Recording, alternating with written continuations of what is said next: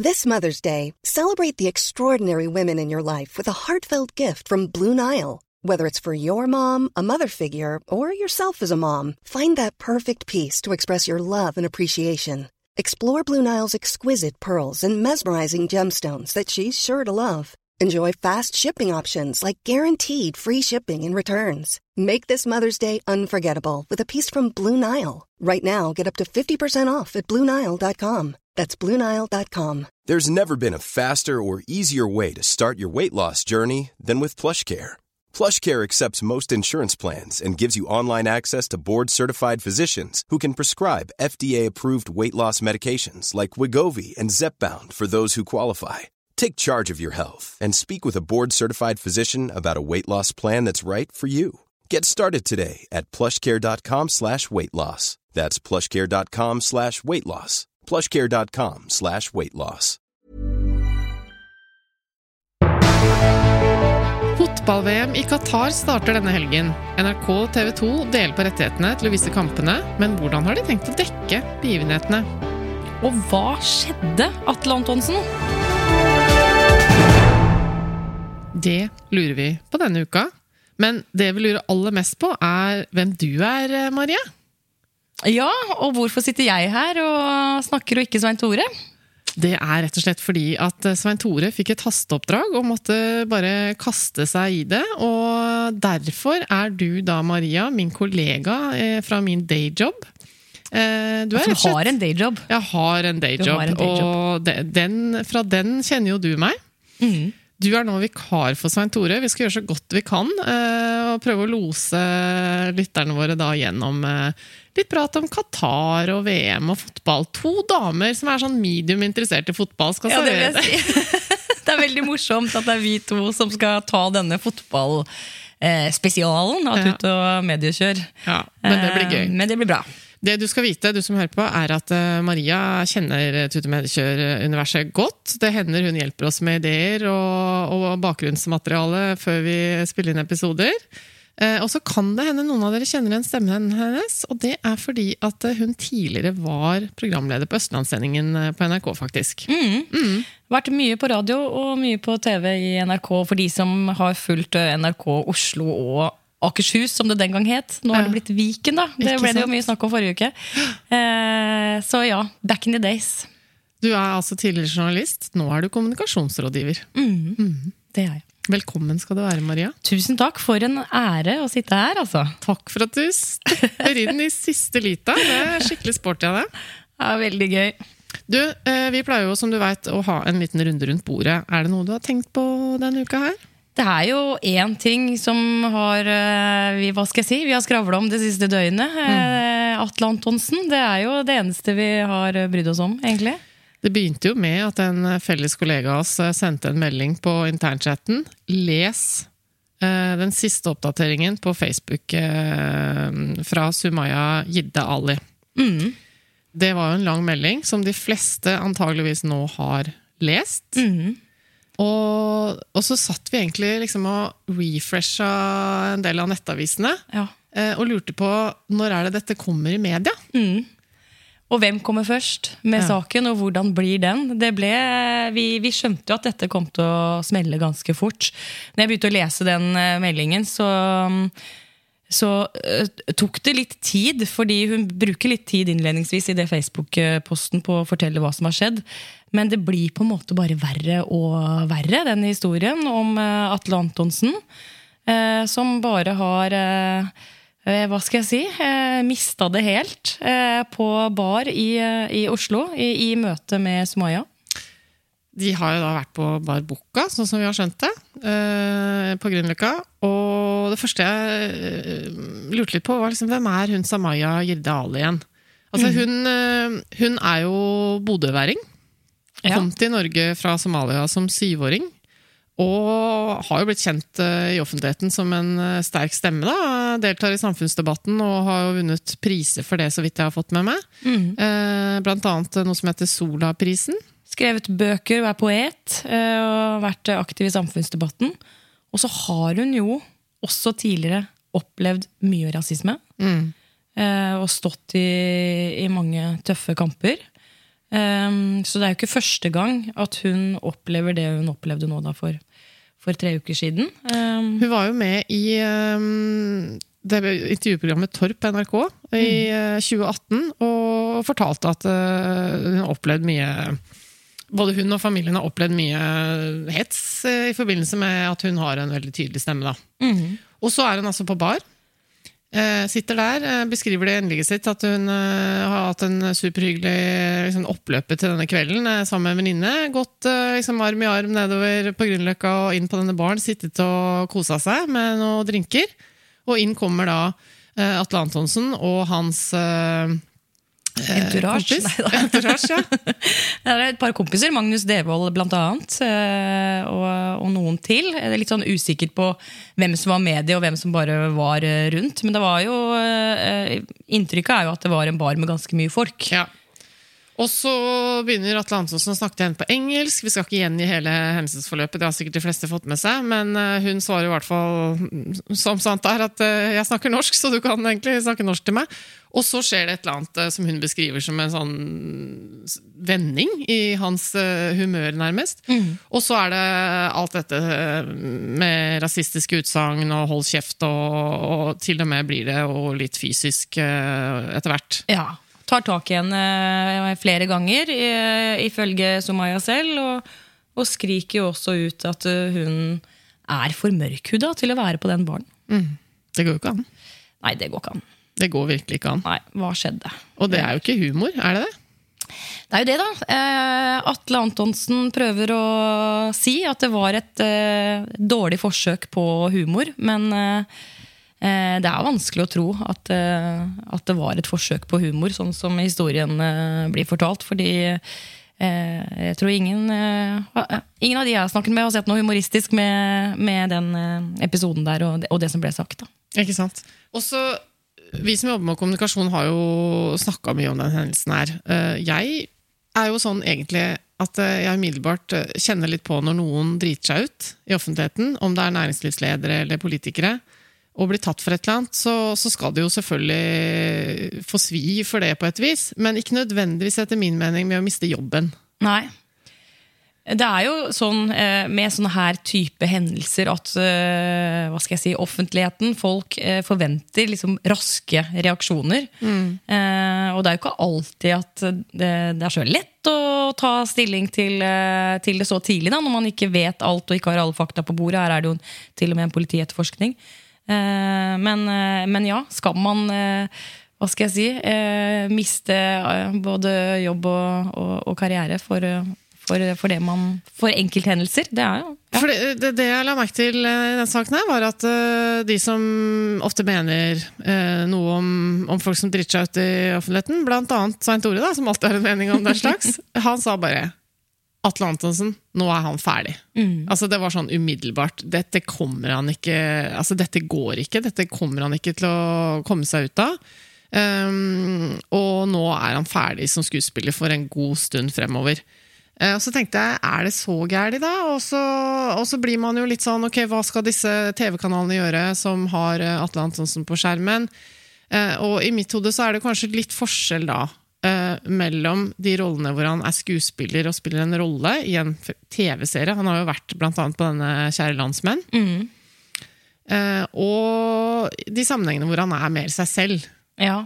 Eh, Som er Tenker du på scenen og, og den type, eller i sånn som uh, Kongen befaler? Ikke han- sant? Kongen Ja. befaler. Er han ikke seg selv der, da? Jo, han er jo det, men han er jo en slags programlederrolle der òg, da. Uh, Så det er jo ikke helt Han er jo på en måte Han spiller jo en karakter der òg. Som hva skal jeg si, befaler disse deltakerne til å gjøre ulike oppdrag. Så det er litt sånn, i hvert fall litt eh, grenseland av å være seg selv og være en karakter der òg, syns jeg. Og der venter vi jo egentlig litt på informasjon. Så vidt vi vet, så har ikke det kommet ennå hva som skjer med dette Nei, Kongen tenk da de lurer på hva de skal gjøre nå med de programmene som, som han har vært delaktig i. Eh, krevende avgjørelser, og vi har jo historisk Det har vært eh, andre programmer som har blitt både tatt av og tatt på igjen eh, av type julekalendere og, og sånn. Ja, for det vi egentlig har diskutert før og stort sett er enige om, er at eh, det er ikke noe idé å ta bort innhold fra arkivet. Bare fordi at det plutselig er noen som reagerer på et eller annet. Eh, det har jo ikke vært noen diskusjon om det ennå rundt ting som har med, med Atle Antonsen å gjøre, men det kan jo fort tenkes at noen mener at man burde fjerne ting hvor han har en viktig rolle, og kanskje spesielt fordi han har jo spilt karakterer også, mm. hvor han har, er spiller ja. rasist, blant ja. annet i jeg tror det er jul... I den Jul i Blodfjell, er det den, ja. da? Mm. Uh, men det er ikke noen god idé, og det har vi uh, stort sett begrunna med at uh, altså, det er et slags historiearkiv, det som finnes også av TV-produksjoner. Mm. Og det vil jo ikke minst gå utover mange andre skuespillere som mm. deltar i, i disse programmene. Men det kom jo eh, døgnet etterpå, vel, så bestemte jo P4 seg, for han er jo også der. Han er jo litt spredt utover eh, mange flater. Han er på TV 2, han er på TV Norge, han er i P4. Mm. Eh, og P4 har jo tatt han av den morgensendingen, Misjonen, eh, allerede. Og der har de fått en vikar for han. Eh, ja, så det mm. skjedde jo ganske umiddelbart, da. Ja. Det som jo er kommunikasjonsmessig det vanskelige her, er hvordan sier du unnskyld? Når du har gjort noe sånt. Mm. Eh, og nå har jo Atle Antonsen eh, gitt en unnskyldning på, mm, på, Facebook, men før det så gjorde han jo et litt dårlig forsøk på en unnskyldning, som vi har lest om direkte ja. til, eh, til Sumaya. Det var jo ikke en bra unnskyldning, som hun opplevde nesten som et nytt uh, overtramp. Ja, for der tok han den klassiske fella som jeg trodde vi var ferdig med for lengst. Med at hvis du har uh, følt deg krenket eller uh, såra, så be om unnskyldning. Så det å legge det der visset for å mm. uh, hva skal jeg si, distansere seg litt da, fra sin egen unnskyldning, det, det trodde jeg du var ferdig med. Det er ikke noe bra triks. Nei, det er et dårlig triks. Og så på Facebook nå så skriver han jo unnskyld. Natt til 23. oktober i år var jeg på bar i Oslo med gode venner. Det som skulle bli en hyggelig kveld med øl og prat, endte i katastrofe det kan jeg takke én person for, meg selv. Og så gir han jo en eh, ganske sånn legge seg flat, uforbeholden unnskyldning her. Mm. Eh, spørsmålet er eh, om den er god nok, fordi han fremdeles beskriver det som et forsøk, riktignok et veldig dårlig forsøk, på humor som ikke fungerer. Og han skriver jo at det, det var bare idiotisk. Punktum. Men allikevel så forklarer han dette med at det var et humorforsøk. Mm. Det er som ja, det, jeg vet ikke hvor lurt det var. Jeg tror eh, jeg hadde latt være å, å, å prøve på det, fordi det, det, blir ikke så troverdig, da. Eh, så jeg skjønner ikke hvorfor han eh, bare ikke holder seg til den rene unnskyldningen og, og står for at han har gjort noe som er helt uakseptabelt. Eh, det som jeg også syns er interessant, da, er at eh, den posten i seg selv mm. Det skjer jo også noe når folk legger ut unnskyldninger på Facebook, eh, som jo har blitt ganske vanlig. At man legger seg flat der. Men det gjør jo noe med kommentarfeltet. For nå er det jo 2600 som har gitt han likes og, og hjerter og omtanke. Mm. Og det er 250 kommentarer på den posten nå. Og det er veldig delt. Det er et delt eh, kommentarfelt.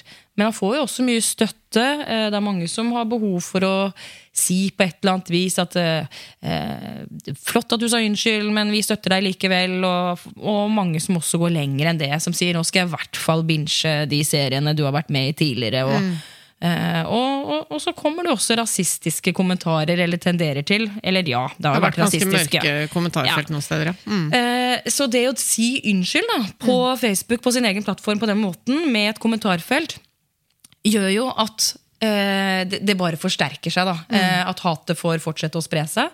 Så kanskje han burde ha sagt unnskyld et annet sted. Kanskje han burde stilt opp på TV eller direkte i, i et radioprogram.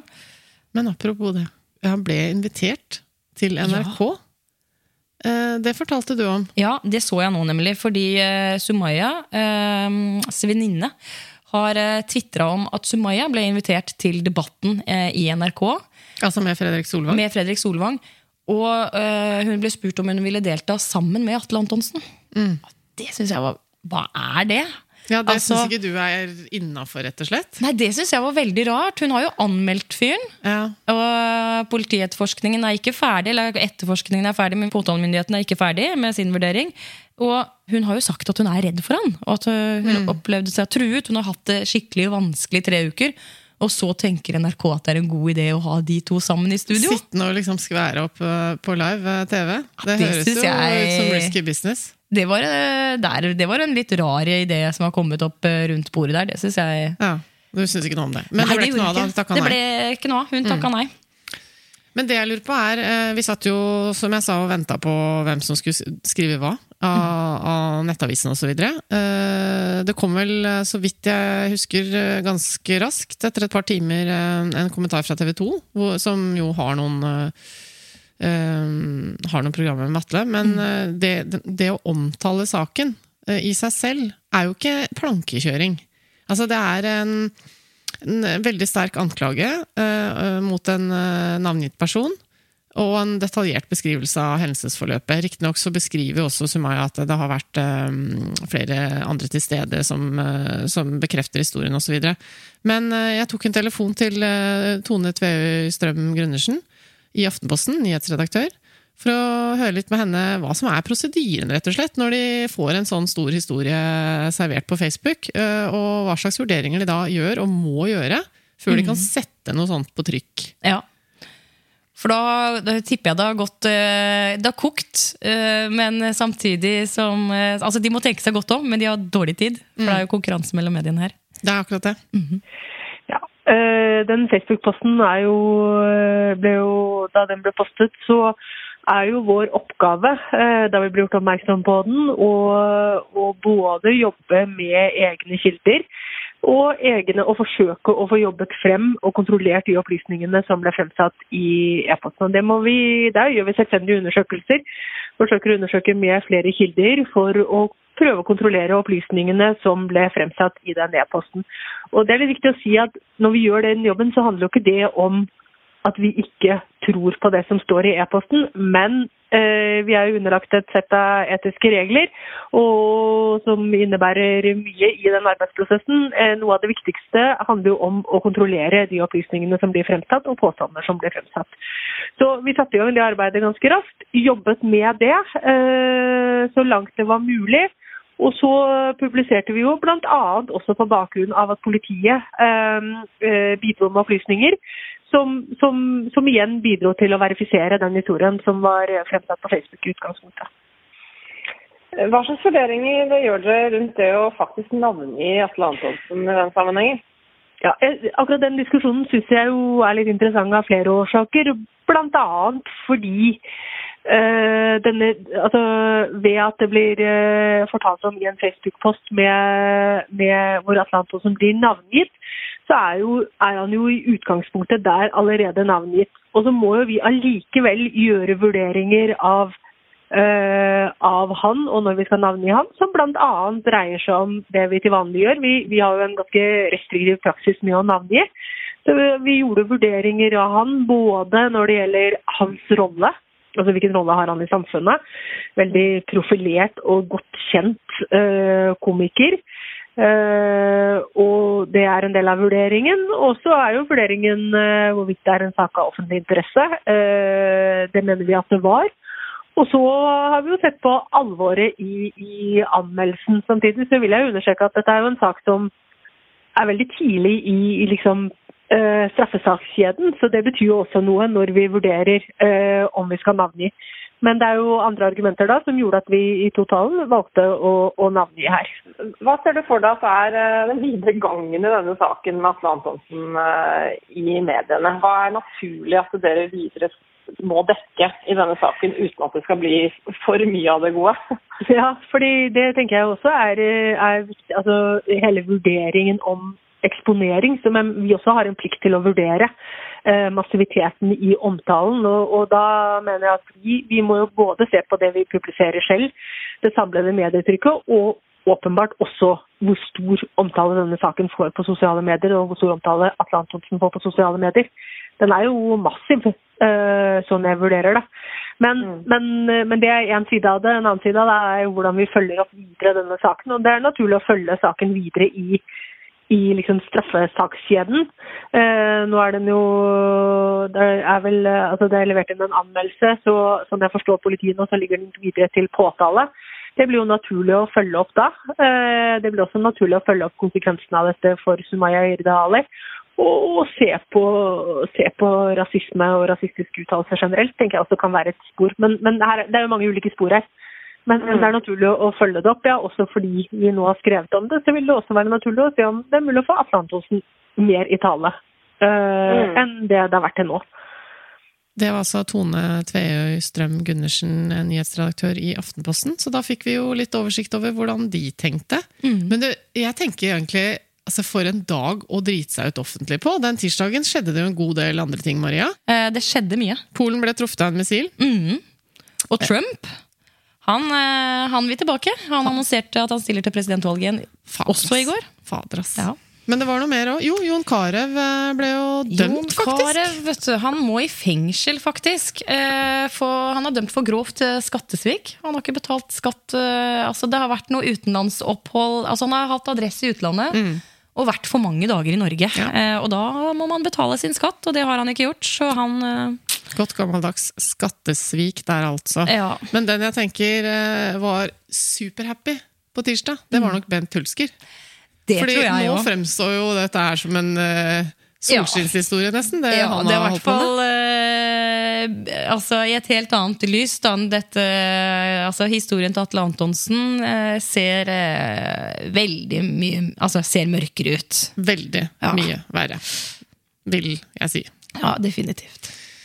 Kanskje de kan støtte hverandre litt. Det viktigste når man eh, er i en sånn krise, er jo at man eh, blir litt passa på. For det, er jo tøft å stå i det offentlige eh, søkelyset som Atle Antonsen nå gjør. Så håper han har eh, ja, folk rundt seg som kan hjelpe han uh, gjennom dette vanskelige Ja, man må vel kunne kalle det en personlig krise. Ja, det må man vel si. Selv om han jo tross alt er uh, den uh, som har gjort noe galt her. Mm. Så må vi huske på at det er mennesker involvert, så ikke løp til kommentarfeltene på Facebook og gjør det enda verre. Nei. For noen av dem. Nei. Mm. Men vi skal jo snakke om fotball-VM, eh, Maria. Ja. Altså, Denne helgen starter jo eh, hele kalaset. Fotball-VM eh, begynner jo da med en åpningskamp mellom Qatar og Ecuador. Det er jo da 32 landslag som samles i Qatar for å kjempe om denne gjeve verdensmestertittelen. Og altså, det ligger jo i kortene her at dette blir et veldig annerledes eh, VM. Fordi eh, allerede før min yngste sønn ble født, altså jeg tror det var i 2010, så ble jo dette VM-et tildelt Qatar. Og vi vet alle at det, det er grunn til å stille spørsmål ved eh, hva som førte til den tildelingen. ja. Eh, og siden det så har det jo vært eh, masse reportasjer. Eh, journalister har blitt eh, arrestert. Andre folk har blitt arrestert. Mange tusen mennesker har mista livet. Eh, og det foregår jo altså så mye menneskerettighetsbrudd der nede i forbindelse med bygningsarbeidet osv. Så, videre. så Ja. vi vet jo at dette blir en journalistisk litt sånn annerledes oppgave. Mm. Det er ikke bare sånn som det pleier. At Nei. eh, de skal sitte i studio og kose seg med liksom, fotballproffe gjester og, og bare kommentere god gammeldags fotball. Nå blir det liksom en blanding. Ja, og Det blir litt spennende. Og hvordan, altså Blir det sånn fotball med bismak? Eh, Skal man juble, eller skal man ikke juble? Hvordan Ja, eh, ja, og Klarer man da å skape den der eh, entusiasmen som, eh, Ja, som et mesterskap stort sett har? da? Det er jo for gærent også at de som, eh, som har som jobb å spille fotball, og som har forberedt seg til det VM-et her i årevis, eh, ikke skal få lov til å bare spille VM. At Ja. alt skal handle om det politiske og den kritiske journalistikken. Så, mm, så det blir vanskelig. Og altså, oppløpet her er jo egentlig fra denne uka at uh, den danske mm, Reporteren fra dansk TV 2, Rasmus Tanholt, og hans fotograf de blei avbrutt av lokale sikkerhetsfolk midt i en livesending fra Qatar den uka her. Ja. Nå blir vi stoppet fra å filme, sa han midt i sendinga. Og Deretter så begynte Tanholt å diskutere med sikkerhetspersonellet. Og de trua jo til og med med å ødelegge kameraet deres. øh, Mens han selv drev og viste til at han hadde akkrediteringen i orden, og at øh, han hadde lov til å filme. Det var jo bare på en sånn rundkjøring. Man kunne ikke helt forstå Nei. hva det var. La oss høre et lite klipp fra den TV-sendingen på dansk TV 2. Jamen, vi kan jo vise, hvordan forholdene er lige her, hvis vi drejer kameraet. Uh, we are live on Danish television, og uh, der kan I se, nu bliver, vi, nu bliver vi stoppet med at filme, og det er forholdene her. Uh, mister, You invited the whole world to the you you invited the whole world to come here. Why can't we film? It's a public place. This is the uh, accreditation. We can film anywhere we want. There are only, of course. But only for the Qatar. Qatar, you have Because rule. the Qatar is No, no, no. We don't need permit. without Yeah, the no, no, but, but but but but but listen, but listen. the. But you can break the camera. You want to break the camera? Okay, you break the camera. Okay. Yes. So you're threatening us by by by by smashing the camera. Ja, det var et klipp fra dansk TV 2 eh, for eh, bare noen eh, få dager siden. Eh, og det blir jo spennende, for det begynner da på søndag. Nå reiser journalister ned i eh, hopetall. Eh, mange fra NRK, TV 2, VG, alle de store mediehusene skal ned. Eh, og det blir veldig spennende å se hvordan de arbeidsforholda blir. Hvordan blir det sånn? Ja, Blir det sånn som TV 2 her som eh, i- Danmark, da, som må eh, håndtere eh, sikkerhetsmessige ting midt under sending? Eh, ja, Det blir spennende. De er jo interessert i å bare vise et glansbilde av denne nyoppussa byen, eh, og ikke fullt så interessert i alt det andre som disse kritiske journalistene har planlagt å drive med. Og det, jo, det jeg syns er mest interessant, det er jo liksom Skal de blande dette her? Blir det sånn at man eh, liksom får et innslag eh, midt i eh, altså fotballkamppausen som handler om, eh, om bygningsarbeider og sånn, eller skal de liksom holde det til nyhetene? When you're ready to pop the question, the last thing you want to do is second guess the ring. At Bluenile.com, you can design a one of a kind ring with the ease and convenience of shopping online. Choose your diamond and setting. When you find the one, you'll get it delivered right to your door. Go to Bluenile.com and use promo code LISTEN to get $50 off your purchase of $500 or more. That's code LISTEN at Bluenile.com for $50 off your purchase. Bluenile.com code LISTEN. Burrow is a furniture company known for timeless design and thoughtful construction, and free shipping, and that extends to their outdoor collection. Their outdoor furniture is built to withstand the elements, featuring rust-proof stainless steel hardware, weather-ready teak, and quick-dry foam cushions. For Memorial Day, get 15% off your Burrow purchase at burrow.com slash ACAST and up to 25% off outdoor. That's up to 25% off outdoor furniture at burrow.com slash ACAST. Emil Gukild er jo en av de som skal lede fotballsendingene fra studio i NRK, og vi har hatt en prat med han. Ja, og vi er jo vant til å se han på TV. Han har jo ledet en rekke sportssendinger og også vært mye eh, ute som utegående reporter. Sist jeg så han, var på sjakksendingene nå nylig, tror jeg. Ja, det stemmer nok.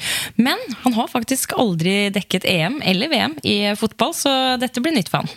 Det blir spennende. Vi ba han fortelle litt om eh, hvordan sendingene på NRK blir. Du, det blir jo spesielt å skulle lede ja, Må kunne si at det er tidenes mest kontroversielle VM. eh, Både tildelingen og det som har skjedd i årene siden 2010. Så eh, det blir eh, spesielt og en skikkelig utfordring å klare å balansere dekningen av dette verdensmesterskapet på en, på en skikkelig måte. Dere skal altså ha sendinger eh, sånn som vi for så vidt har sett deg på sjakksendinger osv. fra et studio, også med innslag da eh, fra Qatar. Altså NRK har jo delt eh, rettighetene til eh, fotball-VM og fotball-EM for herrer i mange år med TV 2.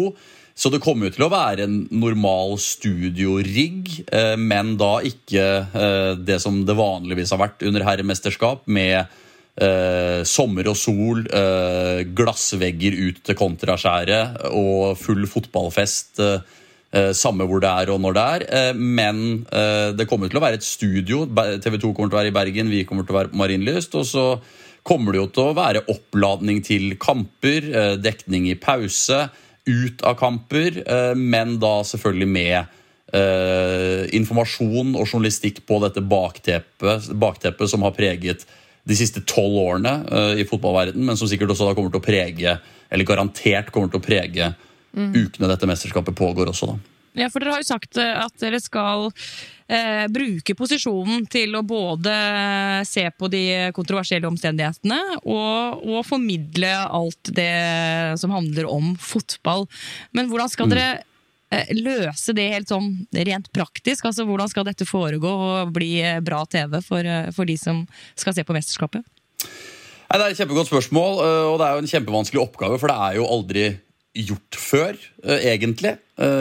Slik som det kommer til å bli gjort nå. Og det er jo ganske rart, med tanke på at VM for fire år siden var i Russland.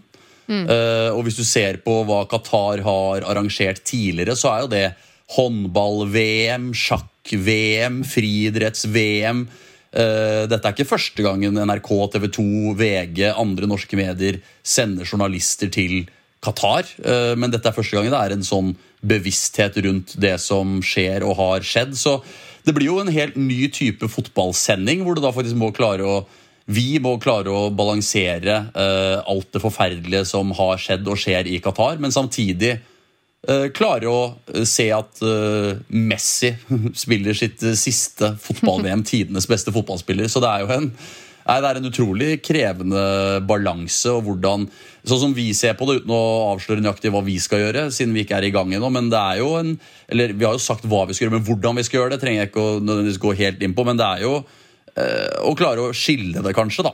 Det er ikke Messi sin skyld at det spilles fotball-VM i Qatar, selv om han for så vidt ikke har de beste personlige sponsorene, men eh, klarer å skille det som skjer på banen og det som skjer utenfor banen. Da. Så det blir en ny type sportssending, egentlig. Men fortell hvordan dere har planlagt det da i de studiosendingene som du er involvert i. Fordi eh, hvis jeg da er en eh, fotballentusiast som egentlig bare har lyst til å kose meg med fotball-VM, vil jeg da i de sendingene også bli servert reportasjer eh, om, eh, om kritikken og menneskerettighetsbruddene, eller skal dere de, liksom putte det inn i nyhetsformatene? Nei, det kommer, kommer til å bli en del av våre sportssendinger og vårt sportsstudio. Fordi det er relevant for uh, sporten som skjer på banen i dette mesterskapet. Og relevant for egentlig all, nesten all idrett i hele verden akkurat nå. Uh, når det kommer til sportsvasking og menneskerettigheter og det rundt det som skjer på banen. Også samme hvilken idrett det er. Så uh, det er jo det som er egentlig hele NRKs Sånn som vi hørte redaktøren vår si på Dagsnytt 18 eh, i går, at her har vi jo faktisk muligheten til å opplyse og informere det norske folk som da har lyst til å se fotballkampene også, hva som skjer utenfor banen. Men målet vårt er jo at eh, samme om du har tenkt å boikotte mesterskapet og bare skal se eh, hva skal jeg si, studiosendingene for å se hva vi gjør, eh, og ikke se på kampene, eller om du er sykt fotballfan og egentlig ikke bryr deg om det som skjer utenfor, så skal du få begge deler. da. Og så er jo det en Ja. vanskelig oppgave, selvfølgelig, men vi skal prøve, da. Men blir det da sånn at uh, når vi er vant til å ha sånn fotballentusiaster eh, som gjester i, i VM-studio, kommer det nå til å være sånn Amnesty-folk som sitter der sammen med dere, eller? Nei, det kommer til å variere altså, Det kommer selvfølgelig til å variere til hva slags sending det er. Nå på søndag kommer det jo til å være eh, jeg vil si 70 eh, fokus på det som har skjedd med hvorfor fikk Qatar dette mesterskapet deltatt tildelt. Hva har skjedd der de siste tolv årene? Eh, Og hva kommer til å skje nå de neste ukene? selvfølgelig. Men der kommer det til å være et hovedfokus på det utenfor banen. Mens når mesterskapet begynner, så er, har jo vi en fast stamme med uh, Åge Hareide, Andrine Hegerberg, Kristoffer Løkberg og Tete Lidbom. Uh, og de er jo uh, alle hentet fra fotballen, men også hentet fordi de har erfaring og evne til å se det som skjer utenfra også, da, eller utenfor.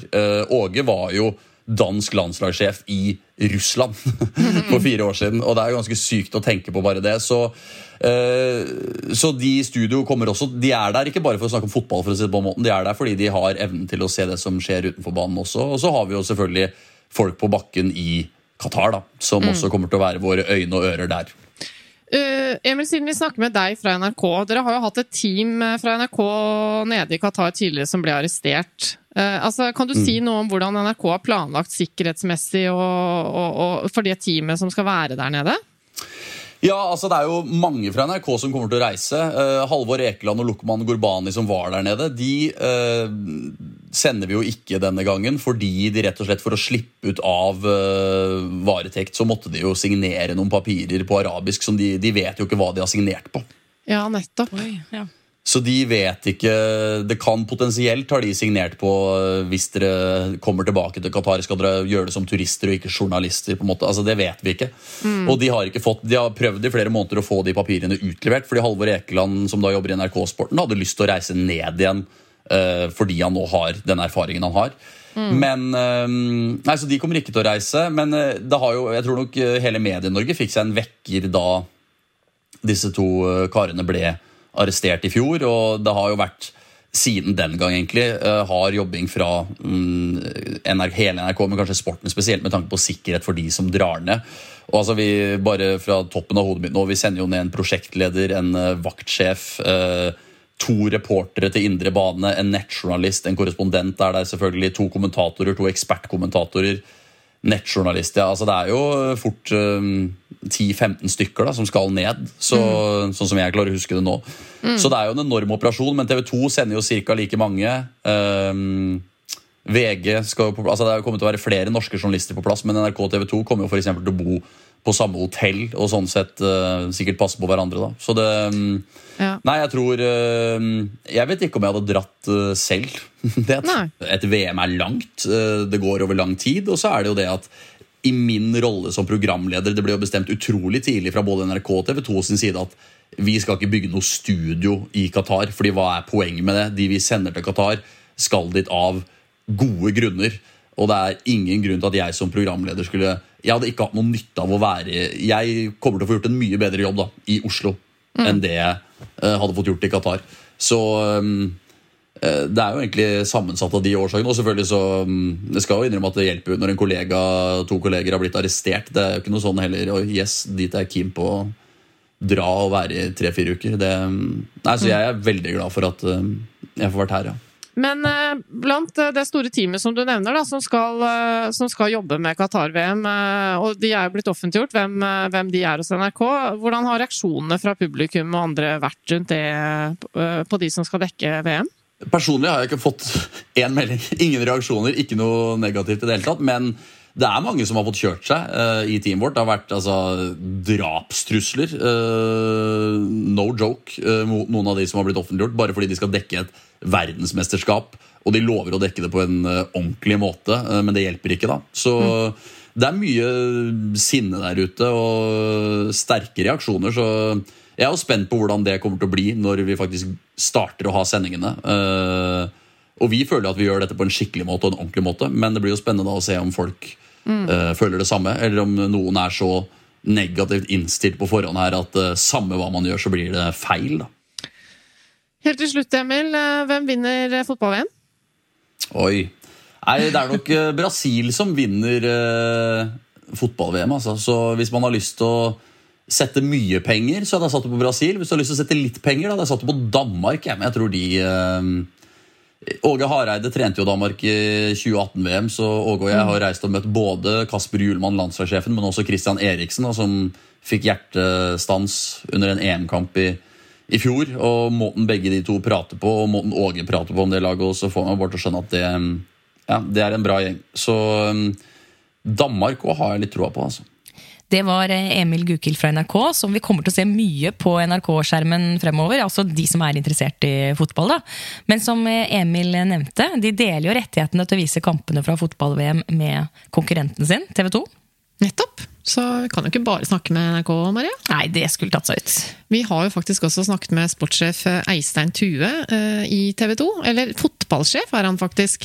Og Bent Kjærstad, som vi vel egentlig kjenner best som utenriksreporter fra litt andre ting enn eh, fotball og gøy. Ja, han pleier jo stort sett å dekke katastrofer og krig og, og den type ting. Han er på plass i Qatar allerede. Det er han. Og vi ba han fortelle litt om forarbeidet som han har holdt på med en god stund. Ja, Vi kom eh, ned her eh, søndag, så eh, vi har vært her eh, noen dager eh, nå. og Det var ganske godt å komme seg på plass og komme i gang med arbeidet der nede. For eh, det har vært ekstremt mye forberedelser til denne jobben, rett og slett. Og det å på en måte bare komme i gang var godt, og det var godt å komme ned her og kjenne litt på hvordan det er. Vi har jo vært der flere ganger tidligere, men situasjonen er ganske annerledes nå rett før eh, fotball eh, begynner å rulle.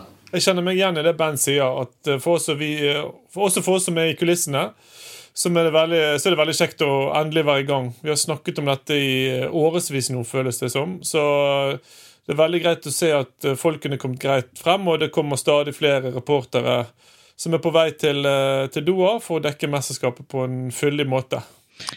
Ja, kan du ikke fortelle litt, eh, Bent, om de forberedelsene? Altså, det, hvordan har de vært annerledes enn eh, enn andre ganger du forbereder deg når du skal ut og dekke nyheter?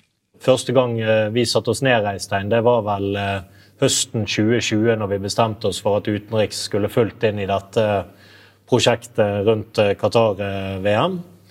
Og eh, da gjorde vi eh, en del Eller vi bestemte oss for en del ting vi ville gjøre. Bl.a. Eh, å reise til en del av de landene som migrantarbeiderne kommer fra. Eh, et av landene som er enkelt å komme inn i, eh, er jo Nepal. Men også der tok det en tid før vi kunne reise, for eh, koronapandemien den sørget for at eh, reising det var ikke så lett å få til. Og det gjaldt jo så absolutt også Qatar. Eh, Qatar tok det veldig veldig lang tid før vi fikk muligheten til å reise inn her pga. Eh, pandemien.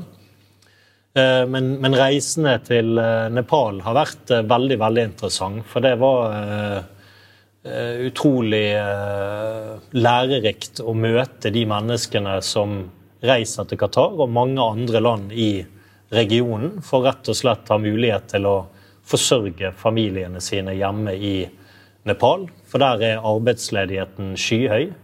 Det er vanskelig å finne seg eh, noe som kan gi inntekter.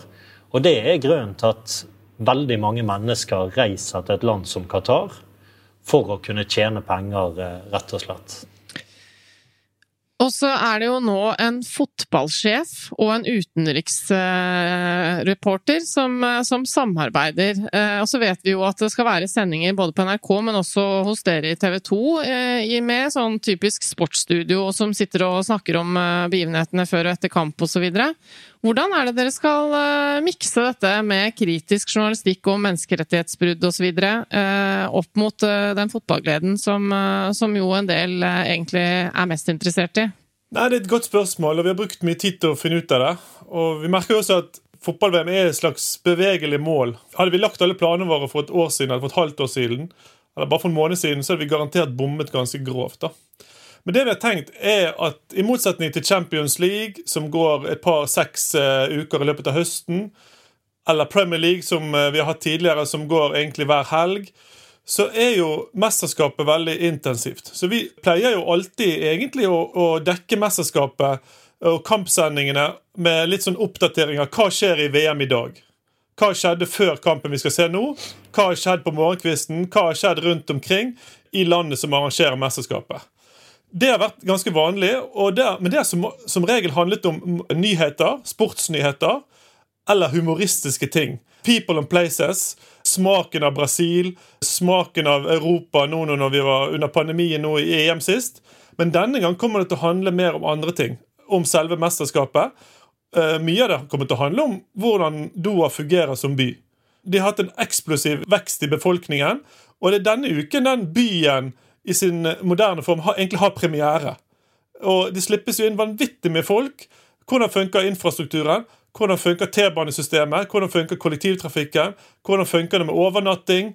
Hvordan funker det med alkohol blant tilreisende fans? Mange sånne ting som vil være mer interessant nå enn det har vært tidligere. Og så har du det sammen med menneskerettigheter og det mer politiske å gjøre. Da syns vi det er naturlig å knytte det an spesielt til de landene som skal spille kampene. Åpningskampen for eksempel, går mellom Ecuador og Qatar. Og, det, og åpningsseremonien skjer i for, forkant av den. Da vil vi ha gjester som har spisskompetanse på den type tematikk. Som ikke bare er god på fotball. Eh, det skal også være med i studio. Men vi kan ikke bare sitte og snakke om formasjoner og lagoppstillinger og VAR-situasjoner. Vi må også snakke om konteksten. Så gjestebookingen i fotballsendingen blir annerledes. Og det kommer litt an på hvem som spiller, og temaene når de spiller. Sånn som for Når vi skal vise Danmark, så vil det være naturlig å snakke om Danmark sine initiativ for å få markere seg som har blitt avvist av eh, Fifa. Saudi-Arabia skal spille kamper vi skal vise. Saudi-Arabia er i ferd med å bli en kjempeaktør i fotballen. De har kjøpt Premier League-klubben eh, Newcastle. De kommer til å prøve seg mest sannsynlig på å få VM. Kanskje sammen med europeiske land. Kjempekontroversielt. Og egentlig et mye drøyere land og regime enn det Qatar er. Så vi prøver jo liksom å legge den pra praten og de temaene der det er naturlig, opp til hvem som skal spille. Vi har ikke lyst til å innføre kvot eh, kvotere type sånn Jon Blund i Skomakergata. At det bare plutselig kommer noe som vi, vi bare må ha. Vi vil at det skal ha en naturlig tilhørighet i konteksten og kampen vi skal se. Og så vil jo også kampen i seg sjøl kanskje by på momenter som vi må håndtere. Det kan være f.eks. aksjoner på, på tribunen. Noen som har med noen politiske budskap. Det vil være mer naturlig å fange opp nå enn tidligere. Det er derfor vi er i Doha også med kommentatorer, f.eks. Det har vært en diskusjon både i TV 2 og NRK om vi skal være til stede og med hvor mange folk. Og vi er opptatt av at vi skal være der med veldig mange folk. Fordi at vi har lyst til å være en kontrollør og en, eh, en motvekt og en balansemekanisme eh, overfor de feedene så, som vi får servert fra Fifa. Som sikkert ikke kommer til å zoome inn hvis det er en uh, aksjon på tribunen, f.eks. Mm. Så i pausen i en fotballkamp så kan vi plutselig få Bent i monitor som, som serverer oss en kritisk reportasje om, om en arbeider fra Nepal. Er det sånn det kommer til å bli? Kanskje ikke i pausen, siden vi har veldig mye reklame i pausen. Så da må, da må den reportasjen vare i 30 sekunder. Men, men, før og etter kampene, altså tettere opp til, til kampen ellers, mm. vil det være naturlig å trekke inn ting som ikke handler om, om sport, hvis det er relevant. da. Og så må vi prøve å gjøre det relevant mye oftere enn det vi har gjort tidligere. Så skal det også sies at når spillerne står i spillertunnelen, mm. og kampen på en måte nærmer seg avspark, og kampen pågår, da ligger vi listen veldig høyt for å ikke fokusere 100% på kampen. Da må det skje ting, uforutsette ting, i kampen eller på tribunen eller utenfor tribunen, som på en måte skal tilsi at det blir en del av formidlingen. Da. Vi har ikke lyst å, å liksom lage en unaturlig formidling av fotball eh, kun pga. de omstendighetene vi opplever i Qatar. Vi så et klipp eh, av den danske TV 2-reporteren som ble avbrutt på direkten. Eh, har dere opplevd noe tilsvarende, Bent? Nei, vi har ikke det. Eh, det er ett av få tilfeller akkurat nå. Jeg kjenner jo Rasmus som ble avbrutt veldig, veldig godt. Men det er uvisst, og det har vi på en måte også blitt advart mot fra eh, forskjellige eh, som er ansvarlig for VM-arrangementet her nede. At det kan være sikkerhetsvakter og lignende som eh, kommer til å gripe inn fordi at de føler at eh, vi filmer feile steder og har ikke forståelse på hva tillatelser vi har med den Fifa-akkrediteringen som vi har eh, fått. Eh, så det, at, det er man forberedt på at det skal skje, og så får vi bare håndtere det underveis. Og det jeg vet, er at Rasmus eh, og hans team eh, fikk en beklagelse ganske kort tid etter fra myndighetene her nede. Bent, du er jo vant til å også jobbe i krigsområder. Nå er det jo ikke et krigsområde, men eh, det har jo vært arrestasjoner osv. tidligere av journalister, så, og vi vet jo at du er der nede med et team. Selvfølgelig med fotografer osv., men også hva skal jeg si, fiksere og, og logistikkhjelp osv. som du har i teamet ditt. Hvordan er det dere jobber? Er det ekstra sikkerhetsfokus eh, nå kontra det det ville vært eh, i et annet eh, type VM som dere skulle dekket? Så normalt? I forhold til kanskje et annet type VM, så, så kan det være mer sikkerhetsfokus. Og, og, i hvert fall et behov for å, å snakke om sikkerheten og, og sørge for at uh, alle i teamet Vi er et stort team som er her nede. sant? Og, og det har vært mye skriverier, og som dere nevner, så har det vært arrestasjoner og sånn. Og det skaper jo bekymring hos mange som kanskje ikke er vant med å reise på samme måte som meg.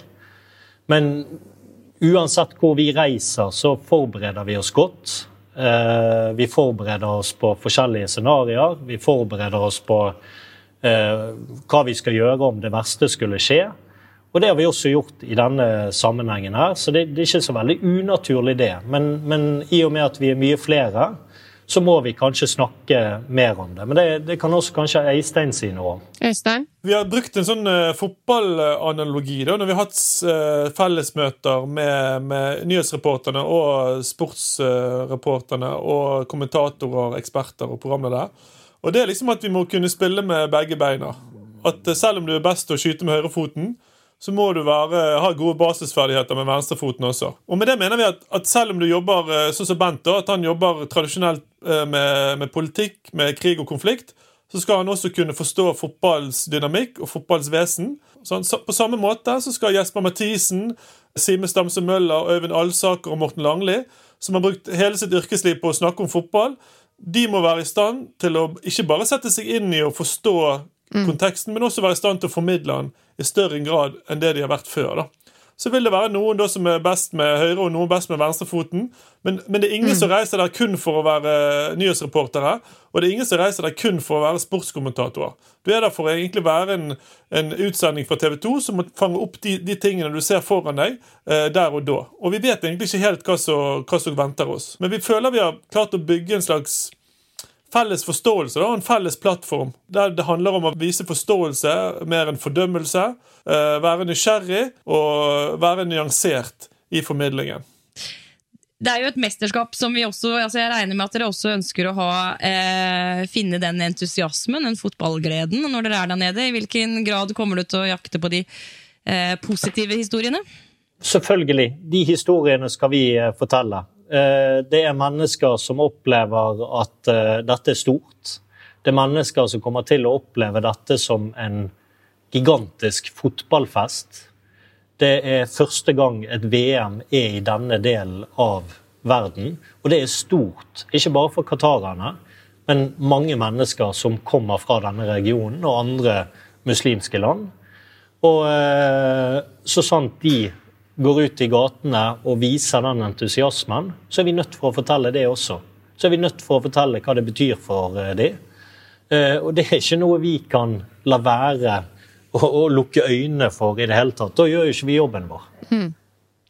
Er du, hvor fotballinteressert er du egentlig, Bent? Fotball, du kan si sånn, Jeg er ikke den som eh, blir grinete hvis eh, Brann taper, eller eh, Chelsea, som jeg også heier på, taper. Men eh, jeg kan eh, sitte og virkelig nyte en fotballkamp og eh, kjenne, kjenne det i kroppen når jeg ser det. Eh, men jeg blir ikke sur og grinete i etterkant hvis laget mitt taper. Det gjør jeg ikke.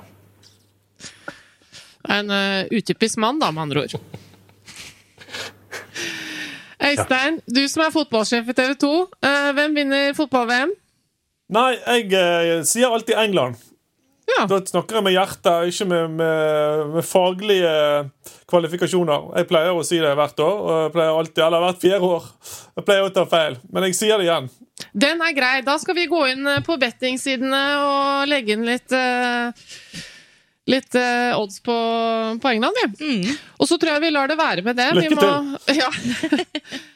Det var altså Bent Kjærstad, eh, utenriksreporter vanligvis da, i TV 2, og eh, Øystein Tue, som er eh, da fotballsjef, fikk vi vite, eh, i TV 2.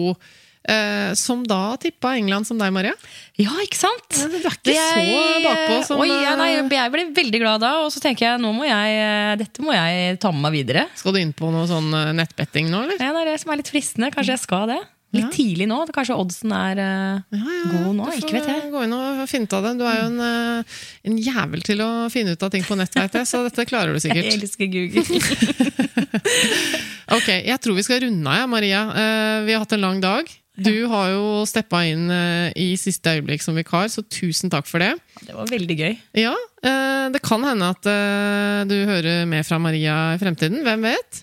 Eh, Hun er uansett med oss eh, på, på bakarbeidet.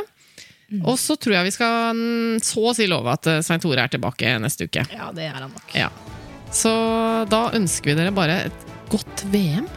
God helg. Kos dere med åpningskampen Ja, på søndag. fordi jeg tenker, det er, er det ikke lov å si det? At man må kose seg også med dette VM-et nå? Og så må Man man stole på at journalistene tar seg av den kritiske jobben. Og så kan vi andre se på fotball. Ja. Takk for nå. Takk for nå. Ha det bra, Maria Nakken. Ha det bra, Eva Sandum.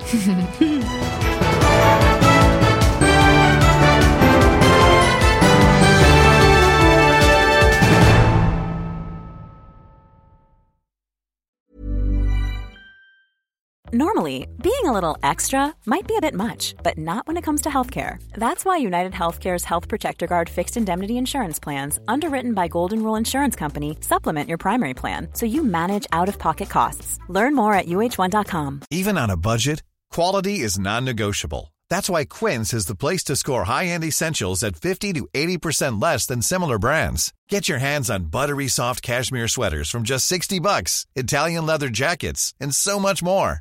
And the best part about Quince, they exclusively partner with factories committed to safe, ethical, and responsible manufacturing. Elevate your style without the elevated price tag with Quince. Go to quince.com slash upgrade for free shipping and 365-day returns.